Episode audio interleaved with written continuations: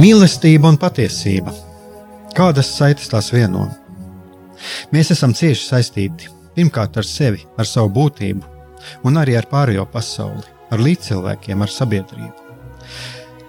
Kur ir mūsu vieta šajā pasaulē? Kā mums katram atrast savu patieso aicinājumu un vietu? Kā sasniegt savas dzīves piepildījumu, mīlestību? Kādi šķēršļi gan mūsu sirdī un prātā sastopamie, gan ārējie aizķēso mūsu ceļu pie Dieva? Šie jautājumi ir mūsu dzīves sastāvdaļa, svarīgi mūsu ceļā uz svētumu. Meklēsim šajā raidījumā kopā atbildes uz šiem jautājumiem. Ieklausīsimies, ko Dievs mums vēlas pateikt ar visu, ko sastopam savā dzīvē. Lai mūsu sirds un prāti atveras mīlestībai un patiesībai, raidījums mīliet cits citu.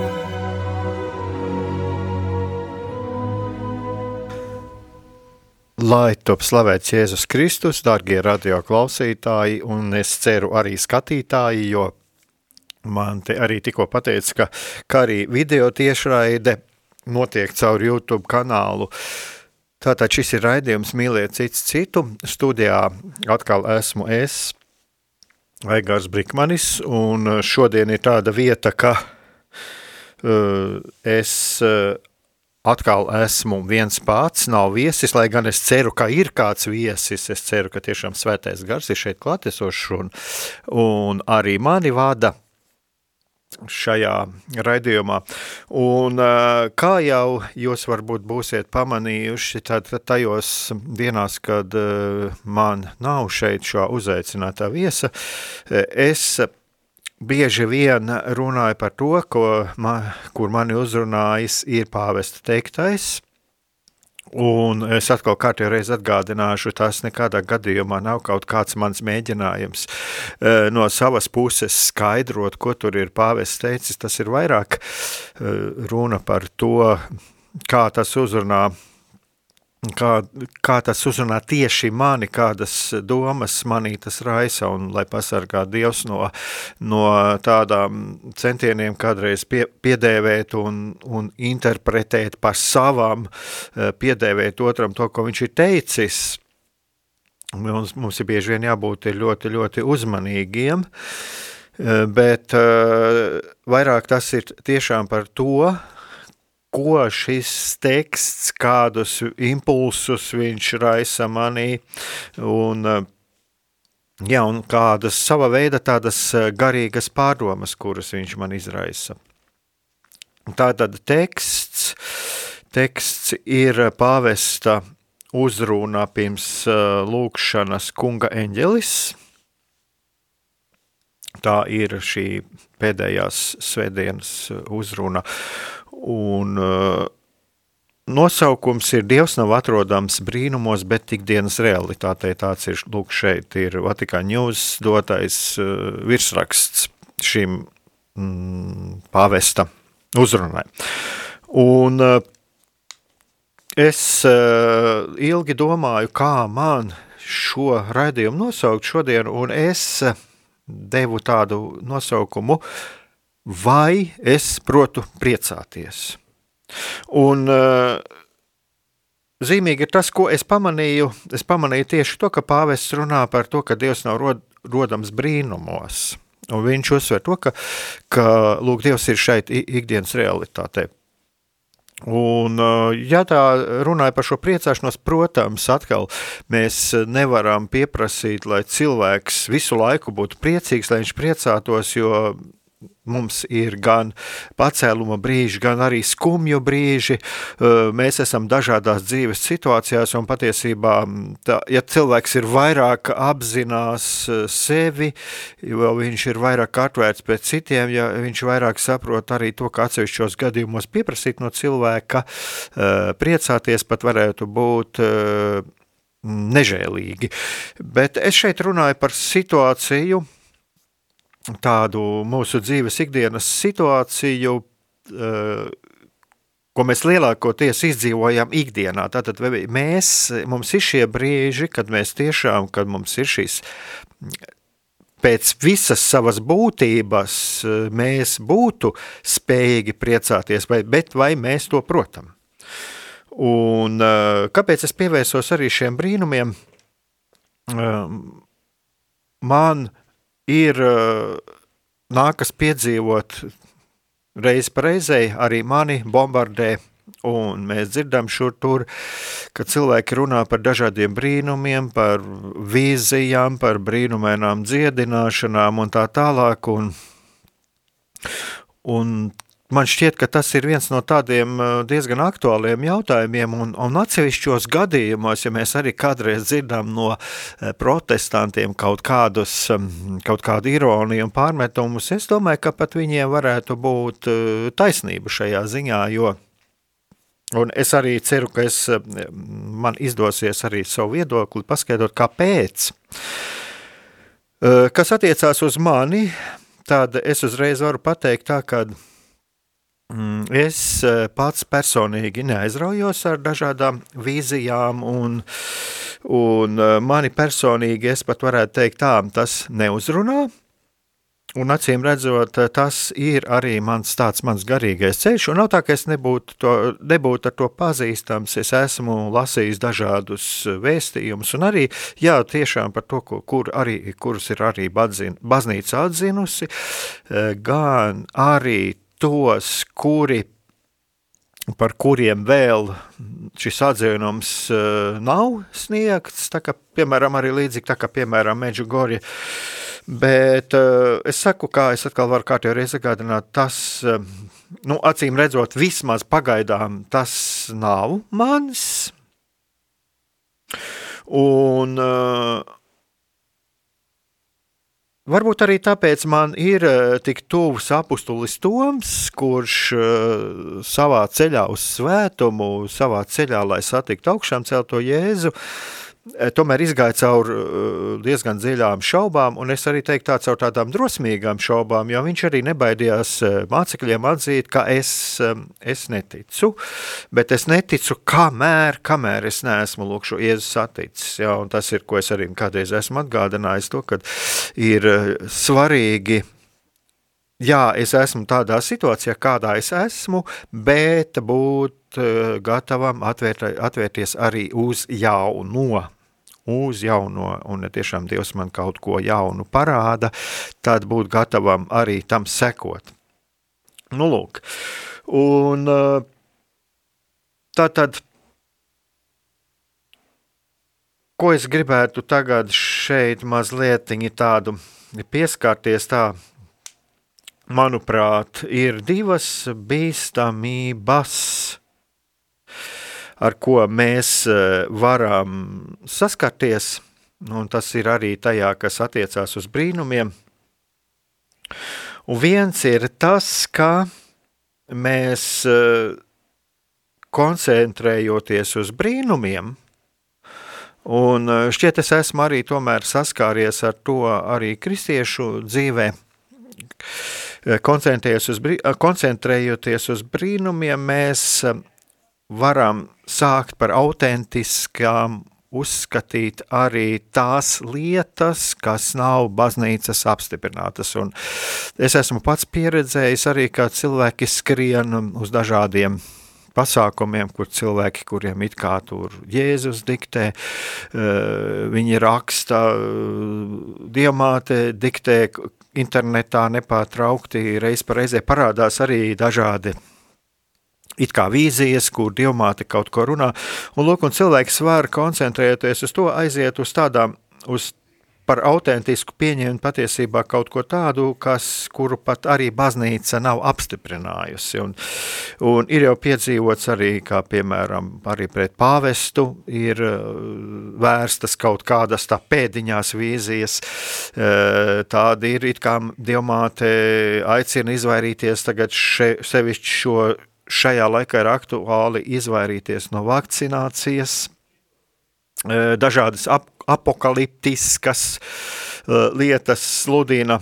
Un tādā gadījumā man bieži vien gribās teikt, nabaga diamāte, e, kas tikai netiek uz viņas, viņas vārdā sludināts.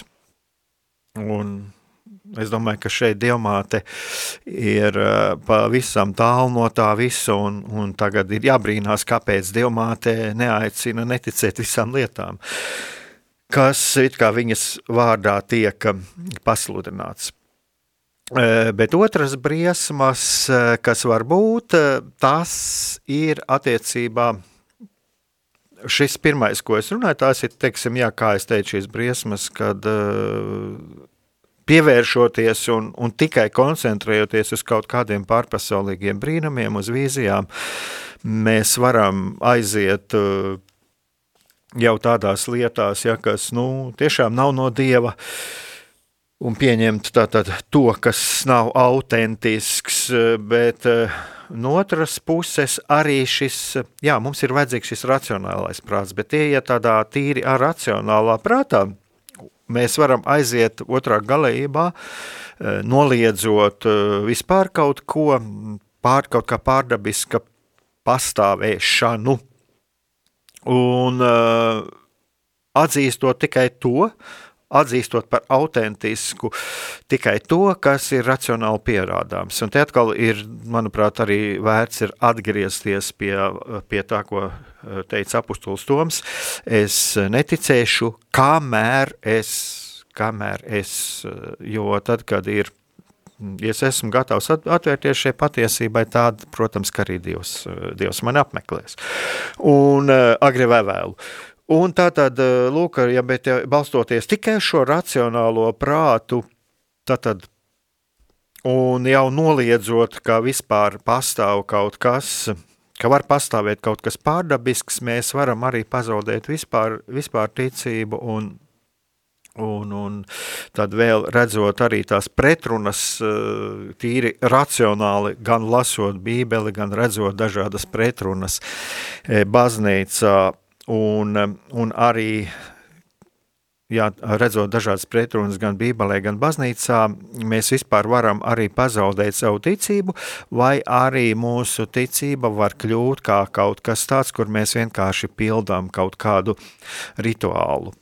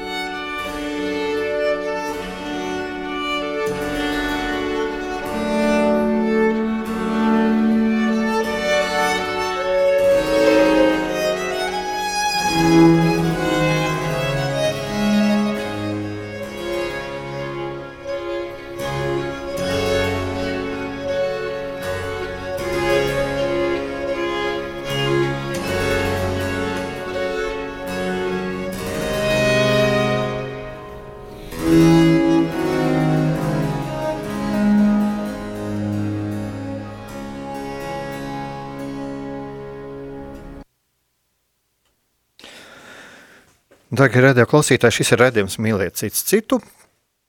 Tātad studijā esmu es, Aigars Brikmanis, un es šodien dalos savās pārdomās par pāvesta teikto pirms lūkšanas kunga eņģelis un, un par un atsaucos arī uz šī Vatikāņu ņūs virsrakstu šai uzrunāja. Dievs nav rodams brīnumos, bet ikdienas realitātē. Un tātad pirms muzikālās pauzes es runāju par to, par šo koncentrēšanos uz brīnumiem, uz, uz vīzijām, uz tādām lietām, kas mm, atsevišķos brīžos var aizvest arī pie kaut kā tāda, kas, kas īsti, nu, kas nav baznīcas apstiprināts un kas nav autentisks, un tur, protams, varētu būt arī dažādi cēloņi, gan psi, psihiskas dabas, gan, gan arī varbūt dažu cilvēku vēlme manipulēt ar, ar citiem, gan arī varbūt tīri bizness, par to es tagad nerunāšu, Bet tā tad, kas ir ļoti būtiski skatīties arī, vai šīs lietas ir baznīcas apstiprinātas, jo baznīcai arī, es domāju, tomēr ir savu pieredze, kāpēc tā nesteidzas katru lietu apstiprināt, un tā ir gadsimtos ilga pieredze. Un otra lieta, ka arī uzmanīties no visa, arī ticības lietas skaidrot tikai ar racionālo prātu, ar uh, racionāliem argumentiem, jo tas uh, var gala rezultātā aizvest pie tā, ka cilvēks vispār var pazaudēt ticību, var attālināties no baznīcas, vai arī varbūt viņām tas var būt tikai tāds ierasts rituāls un un viņš vairs teiksim, tā dievu nesatiek. Un es domāju, ka tas arī ir, kā es arī pats par sevi stāstīju, ja kad es arī savā ziņā, jā, man ir ļoti izteikts, vismaz tā es sevī redzu, šis racionālais un, un vēlēšanās atrast šos racionālos argumentus, un tāpēc arī man, tād, un man un tādiem kā man, varbūt arī ļoti būtiski ir vienmēr atcerēties to, ka ne viss ir ar racionālu Mm, ar racionālu prātu, ar racionāliem argumentiem izskaidrojums un nenoliegt arī šo pārdabiskā pastāvēšanu. Un tā tad tagad es aiz, at, vēlējos, vēlos atgriezties arī pie ši, tieši pie pāvesta teiktā. Tas bija tāds uh, neliels ievads, tas ievads, kurš uh, kur es centos vismaz arī paskaidrot, kāpēc man tieši šis pāvesta tektā, tekstā teiktais, ka, Dievs nav rodams brīnumos, bet ikdienas realitātē, uzrunāja.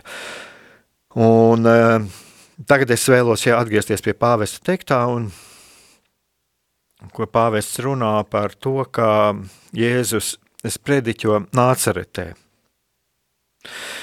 Un kas ir zīmīgi, ko pāvests atgādina, kā sprediķēšanas iznākums ir rūkts.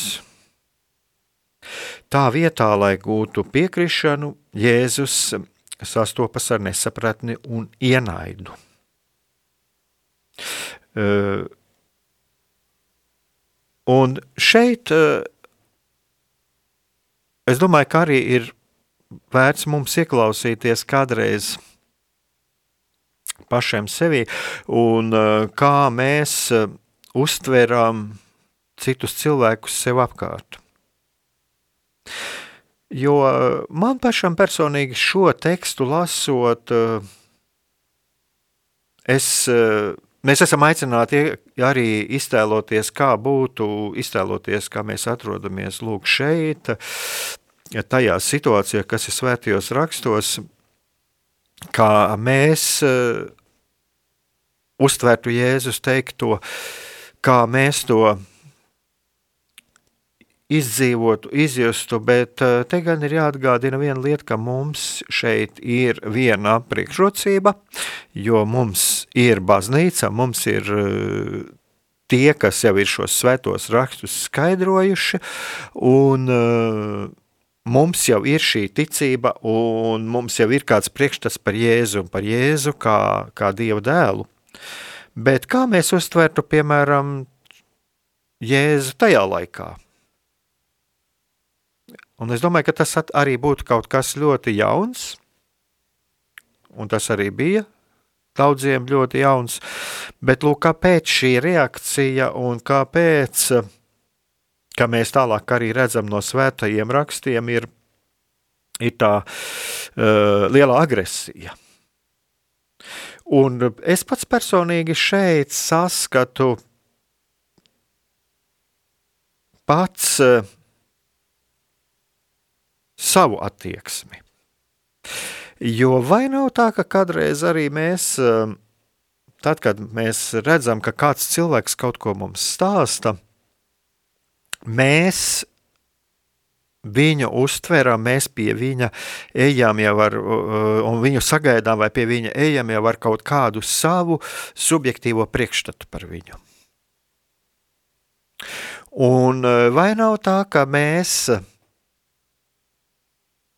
viņa klausīto, laižam caur savu subjektīvo prizmu, un eh, šeit ir ne tik daudz tā lieta, ko viņš, un kur arī katiet atsevišķās situācijās, tā patiesība, ko viņš mums saka, tā nespēlē tik lielu lomu, kā mūsu priekšstats par šo cilvēku. Un eh, es domāju, ka šeit mēs arī saskaramies tieši ar šo priekšstatu, ar šo savu subjektīvo priekšstatu, viņš atspoguļojas tajā, kādas ir attiecības mūsu sabiedrībā, kādas ir attiecības arī kristiešu vidē un ne tikai kristiešu vidē. Jo mēs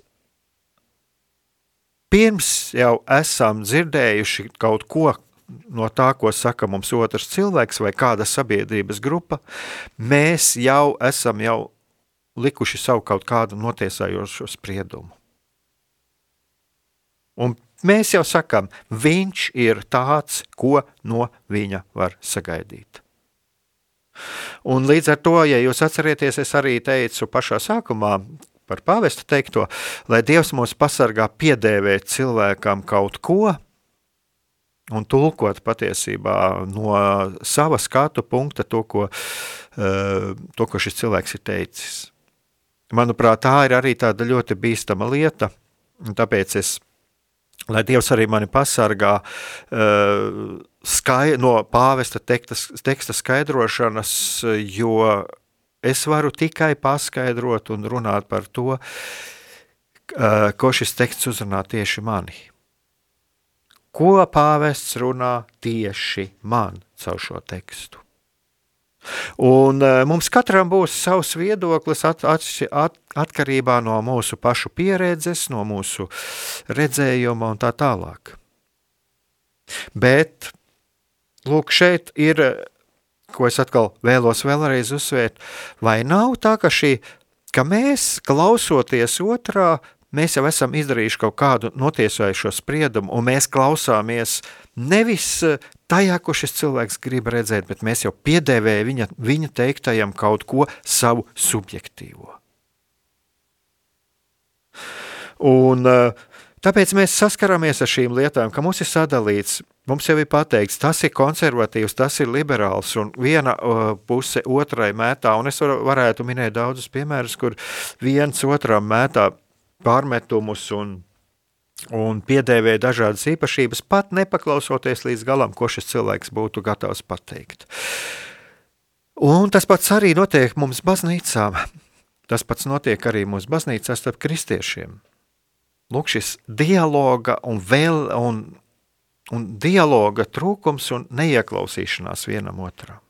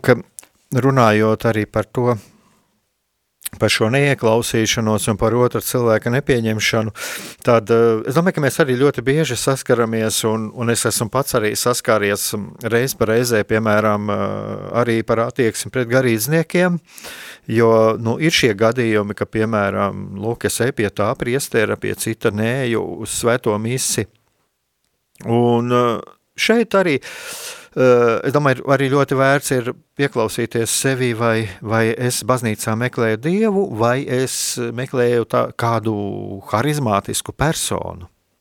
Protams, eh, mēs eh, katrs gadījums ir individuāli aizvērtē, un arī priesteri ir tikai cilvēki, un, un varbūt arī ieļaunojami, ieļaunojumi, ievainojumi, un tā es varētu teikt to pašu kā par priecāšanos, mēs nevaram spiest, lai piespiest cilvēkam, lai viņš ietu tu, tieši tur un, un ne citur, bet šeit man nāk arī prātā kāda leģenda par svēto Asīzes Francisku, kurš Tad, kad viņam sūdzējās par kādu ļoti grēcīgu priesteri, nokritis, esot šī priestera priekšā, uz ceļiem noskūpstījis viņa rokas un pateicis, ka šīs rokas eh, katru dienu tura Jēzu. Eh, tātad, eh, lūk, arī ko mēs meklējām baznīcā.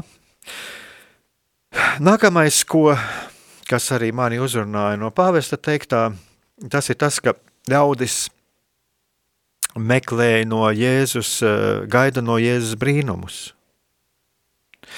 Bet eh, Jēzus šos brīnumus eh, nepiedāvā. Tātad brīnumi.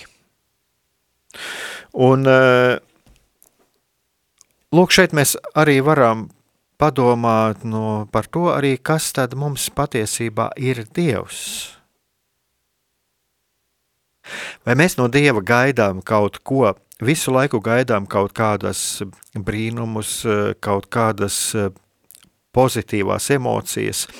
Man pat eh, reizēm, man pat reizēm gribas teikt tā, ka mm, daži cilvēki varbūt vēlētos Dievu redzēt kā kādu kumēdiņu Dievu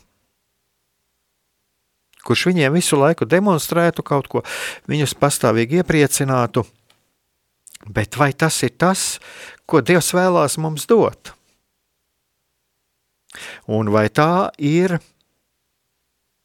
vai tas ir patiesībā arī tas aicinājums, vai tas ir tas, ko Dievs mums ir, mūsos ir ielicis?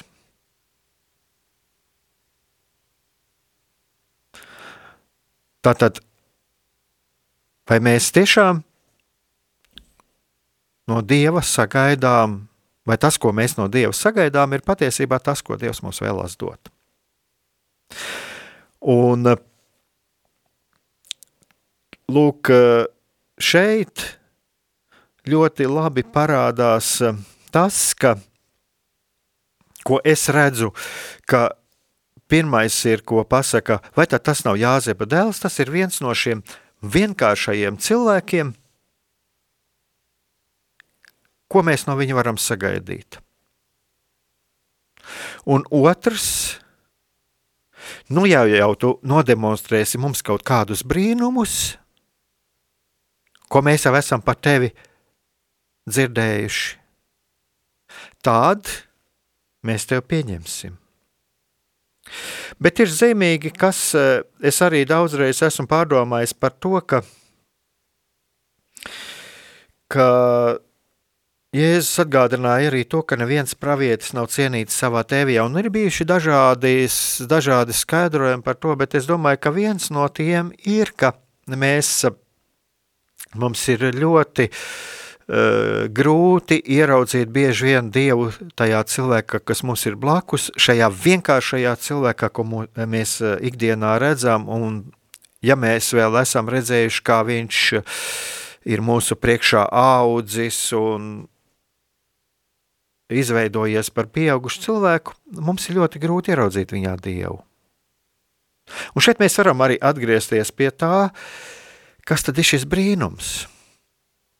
Jo mums ir ļoti grūti ieraudzīt šo brīnumu savā ikdienā.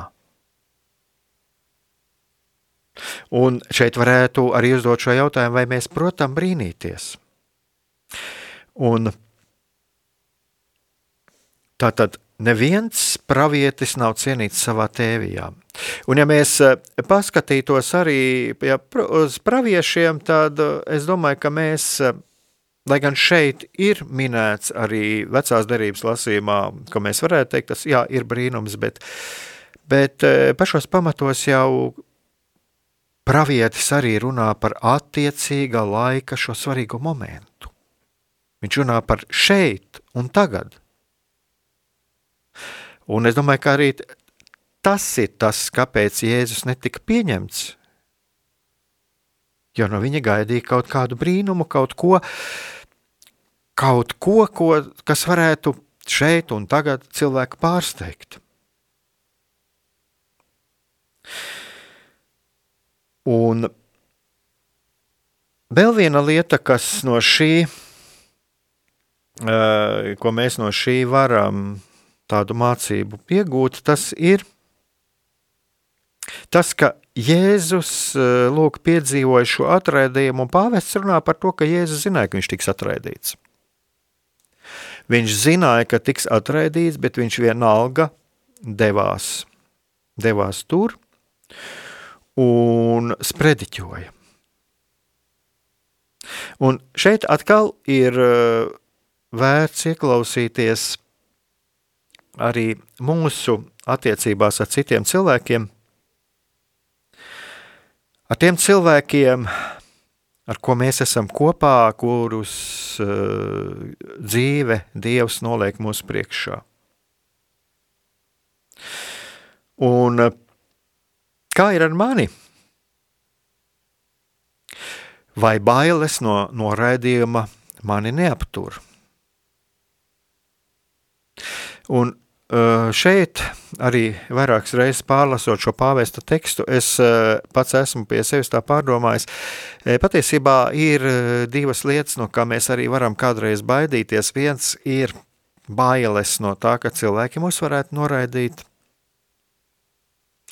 un otrs arī bailes, ka mums varētu nepaveikties. Un kaut kas ir tas, kas mūs aptur, kas mūs sasaista, kaut kādas bailes, kas, kuras mēs esam mantojuši no iepriekšējām pieredzēm, no iepriekšējām sāpīgajām pieredzēm, no noraidījumiem, bērnībā saņemtiem, tālāk varbūt arī skolas laikā saņemtiem no neveiksmēm, bailes no noraidījuma, no neveiksmes sāpēm. Bet kāpēc iet Jēzus? Kāpēc Jēzus iet? Un es domāju, ka šeit arī pāvests jau ir devis šo skaidrojumu. Un pāvests runā par, pāvests atsaucas uz vecākiem. Un es uh, šeit pierakstīja tā, ka mīlestības atspulgu redzam vecākos, kuri patiesi mīl savus bērnus. Un mēs jau reiz par reizē, un ļoti daudz esam baznīcā dzirdējuši arī par šo beznosacījumu mīlestību. Kas tad ir tas, kas Jēzum uh, dod spēku doties tur, kur viņš sagaida, ka viņš var būt netikt pieņemts? Un es domāju, ka tā ir diezgan precīza lieta, ko pāvests uzrāda, kad viņš uzrāda lūk, šo mīlošo e, vecāku piemēru. Jo es atkal runāju par tiem vecākiem, kuri mīl savus bērnus, un patiesa mīlestība ir arī tad, kad mēs respektējam, respektējam šo cilvēku izvēli, šo cilvēku brīvību, un arī patiesa mīlestība no vecākiem ir mīlestība, kas respektē šī bērna izvēli. Un tieši tāpēc arī Jēzu neaptur, neaptur šis noraidījums.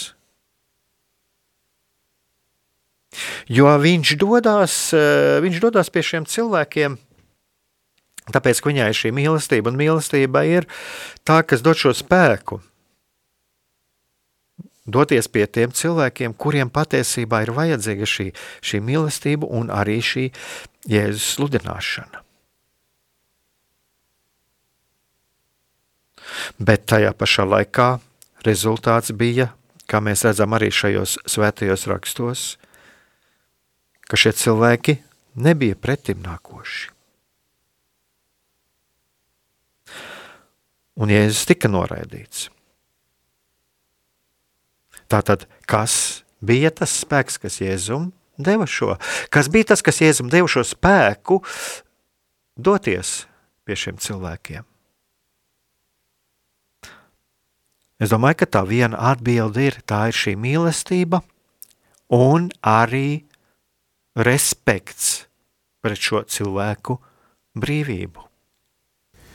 Salve, salve.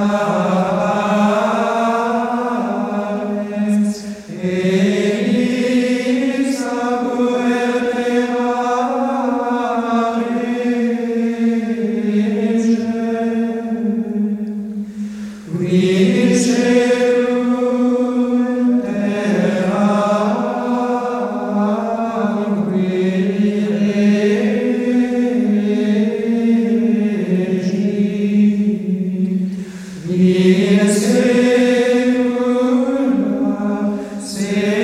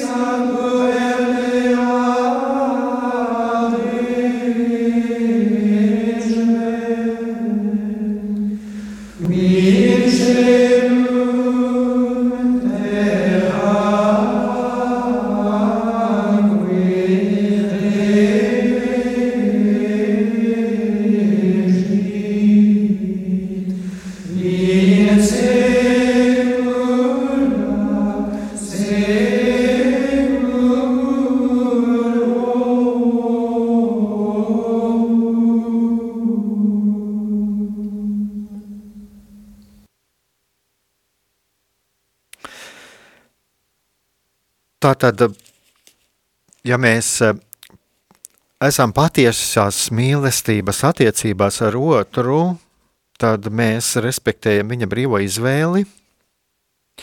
Ja mēs tiešām, ja mūsos ir šī mīlestība, mēs uh, ejam pretī cilvēkiem arī tad, ja mēs riskējam tikt noraidīti, Un eh, tas, es domāju, arī ir šis labais piemērs, ko mēs no Lokas evaņģēlī redzam, ko, uz ko pāvests atsaucās par šo sludināšanu nāceretē, ka Jēzus gāja, un viņš gāja mīlestību, un tieši tā mīlestība bija tā, kas deva viņam spēku doties pie cilvēkiem. Bet uh, ir vēl viena lieta, kā, manuprāt, arī ir vērts pievērst uzmanību – kā, kā attiekties pret noraidījumu. Un ko darīt tajā gadījumā, ja mēs esam noraidīti, vai pat mēs piedzīvojam naidīgu attieksmi? Un viens no šādiem piemēriem, ko mums darīt, ir šeit arī, ko dod Jēzus. No svētajiem rakstiem man ir 65. gada bībele šeit priekšā. Un uh, lūk, ir Lūkas evanģēlija 4. nodaļas 29. pants. Lūk, fragments. Un cēlās un izdzina viņu no pilsētas ārā līdz kalna malai, uz kura pilsēta bija celta, lai nogāstu zemē. Bet viņš caur viņu vidu iziedams aizgāja. Jēzus aizgāja. Un tā ir arī viena lieta, kas, manuprāt, ir svarīgi mums pievērst uzmanību. Vai nav tā kādreiz, ka mēs eh, vēlēdamies eh, nest savu vēsti eh, otram, gala rezultātā aizmirstam paši savu dzīvi un pazaudējam paši sevi. Vai mēs neesam kādreiz arī pazaudējuši robežas, un tas bieži vien mēs redzam arī vecāku un bērnu attiecībās, eh, laulāto attiecībās, un, un arī dažādās citās uh, attiecībās, kad uh, mūsu attiecības kļūst slimīgas un ka mūsu labā griba pārvēršas par līdzatkarību. Bet Jēzus šeit parāda ļoti tādu labu piemēru. Viņš pagriezās un aizgāja no viņiem. Jo viņš bija pateicis, viņš bija izdarījis tik, cik varēja, respektējot šo cilvēku izvēles.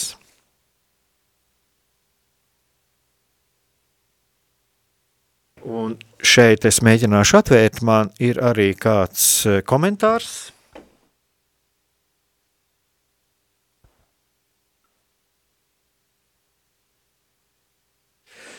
Jā, tāds komentārs, kāda jēga bija Jēzum iet um, pie nāceriešiem, ja viņš zināja, ka tie viņu nepieņems, eh, gribēs nogrūst no kalna. Eh, man mazliet vēl radās viena tāda tāda mana paša, tas ir tāds mans subjektīvais viedoklis. Mūsu dzīves ceļš, mūsu garīgais ceļš patiesībā ir e, ceļš pretim nezināmajam. Un tad, ja mēs iesim pie cilvēkiem ar to domu, ka varbūt mūs noraidīs, ka varbūt mūs noraidīs, tad uh, mēs apstāsimies.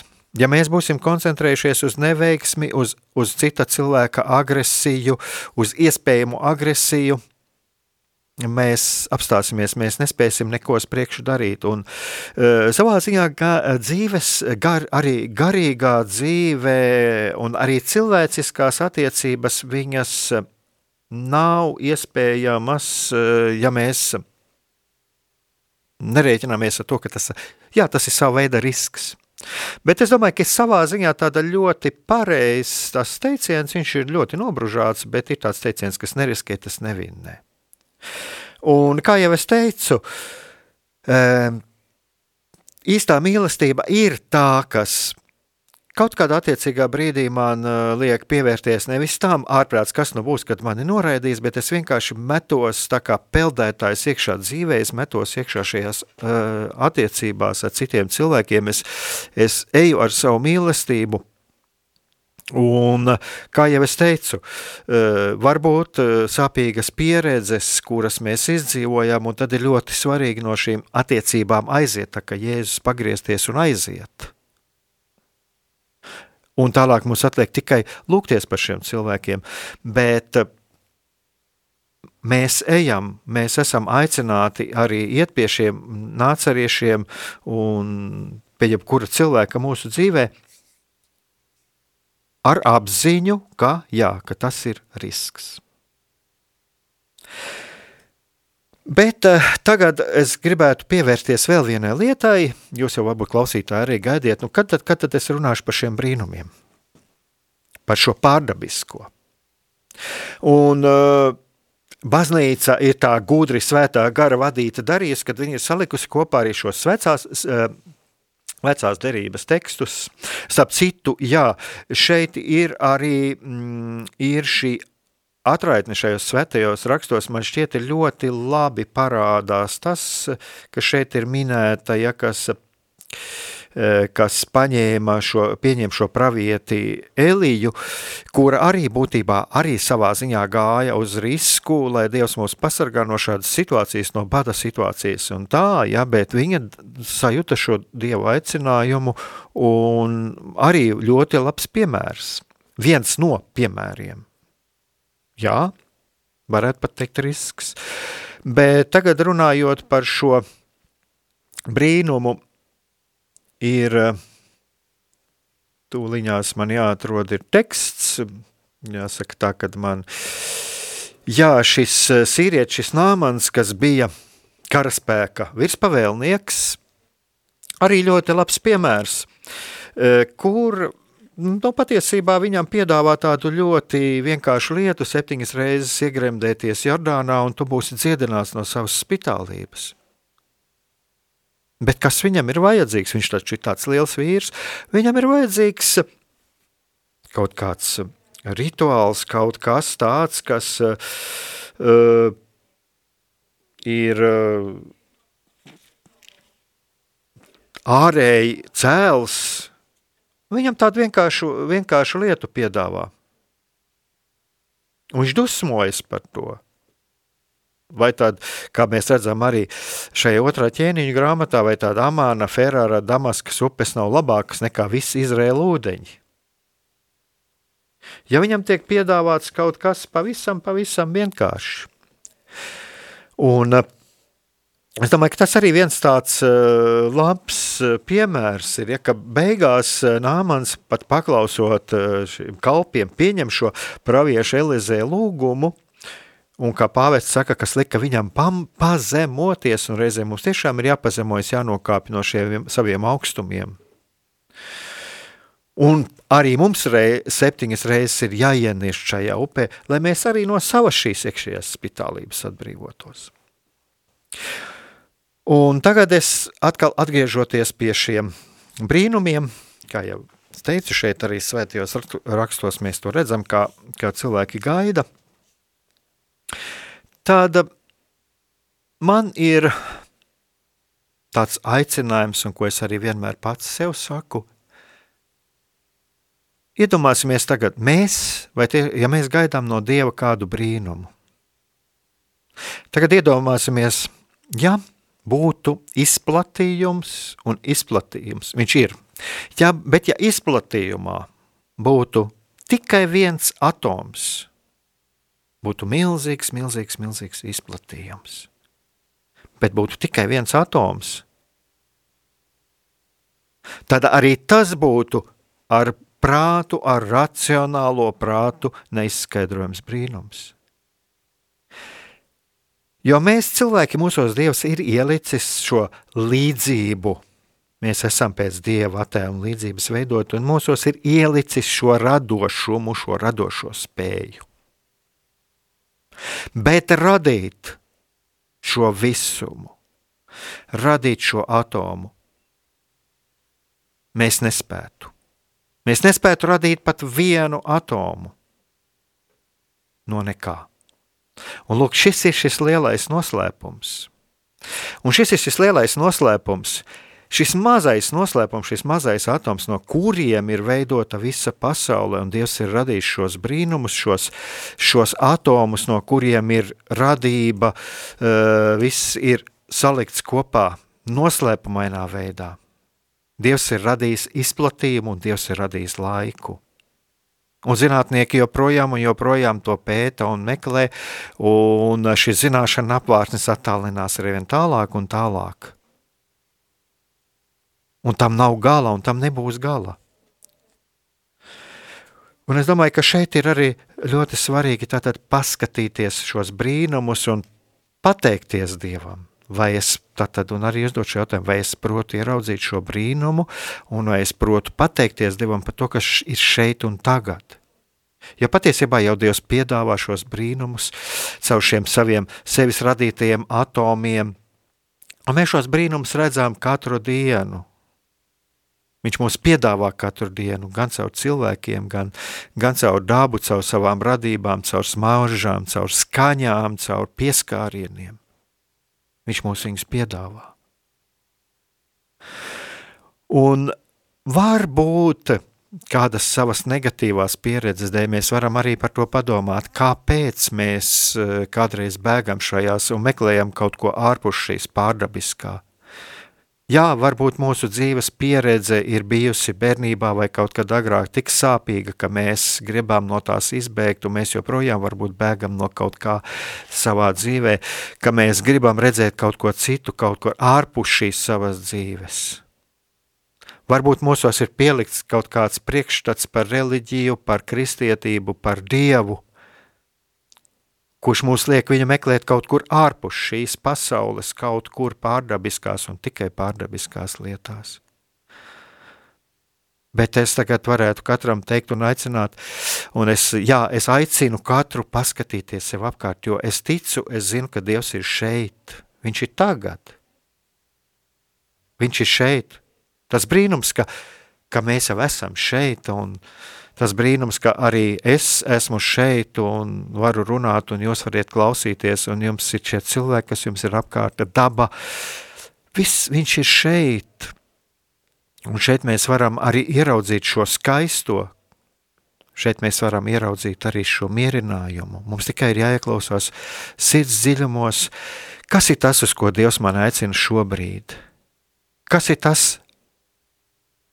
ko es varētu, kas mani iepriecinātu šobrīd, ko es savā sirds dziļumos vēlētos šodien darīt no tādām labām, morāliski labām lietām? Kas ir tas, kas man ir pieejams?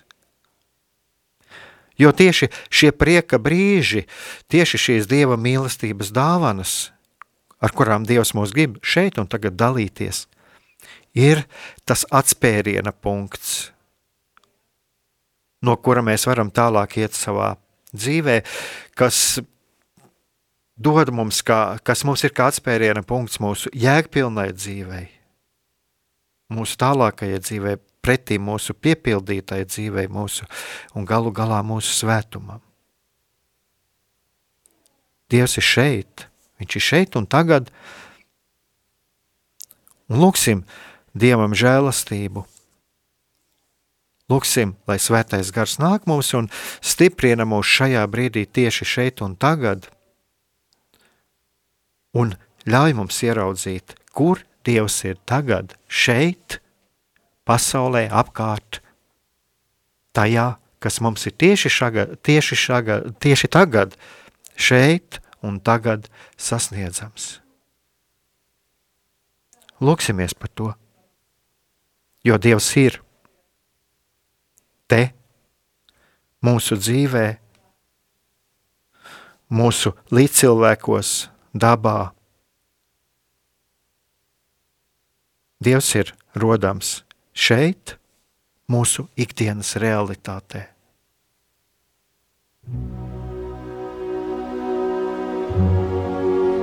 Mīlestība un patiesība. Kādas saites tās vieno? Mēs esam cieši saistīti pirmkārt ar sevi, ar savu būtību, un arī ar pārējo pasauli, ar līdzcilvēkiem, ar sabiedrību. Kur ir mūsu vieta šajā pasaulē? Kā mums katram atrast savu patieso aicinājumu un vietu? kā sasniegt savas dzīves piepildījumu, mīlestību. Kādi šķēršļi gan mūsu sirdī un prātā sastopamie, gan ārējie aizķēso mūsu ceļu pie Dieva? Šie jautājumi ir mūsu dzīves sastāvdaļa, svarīgi mūsu ceļā uz svētumu. Meklēsim šajā raidījumā kopā atbildes uz šiem jautājumiem. Ieklausīsimies, ko Dievs mums vēlas pateikt ar visu, ko sastopam savā dzīvēm lai mūsu sirds un prāti atveras mīlestībai un patiesībai. Raidījums mīliet citu citu.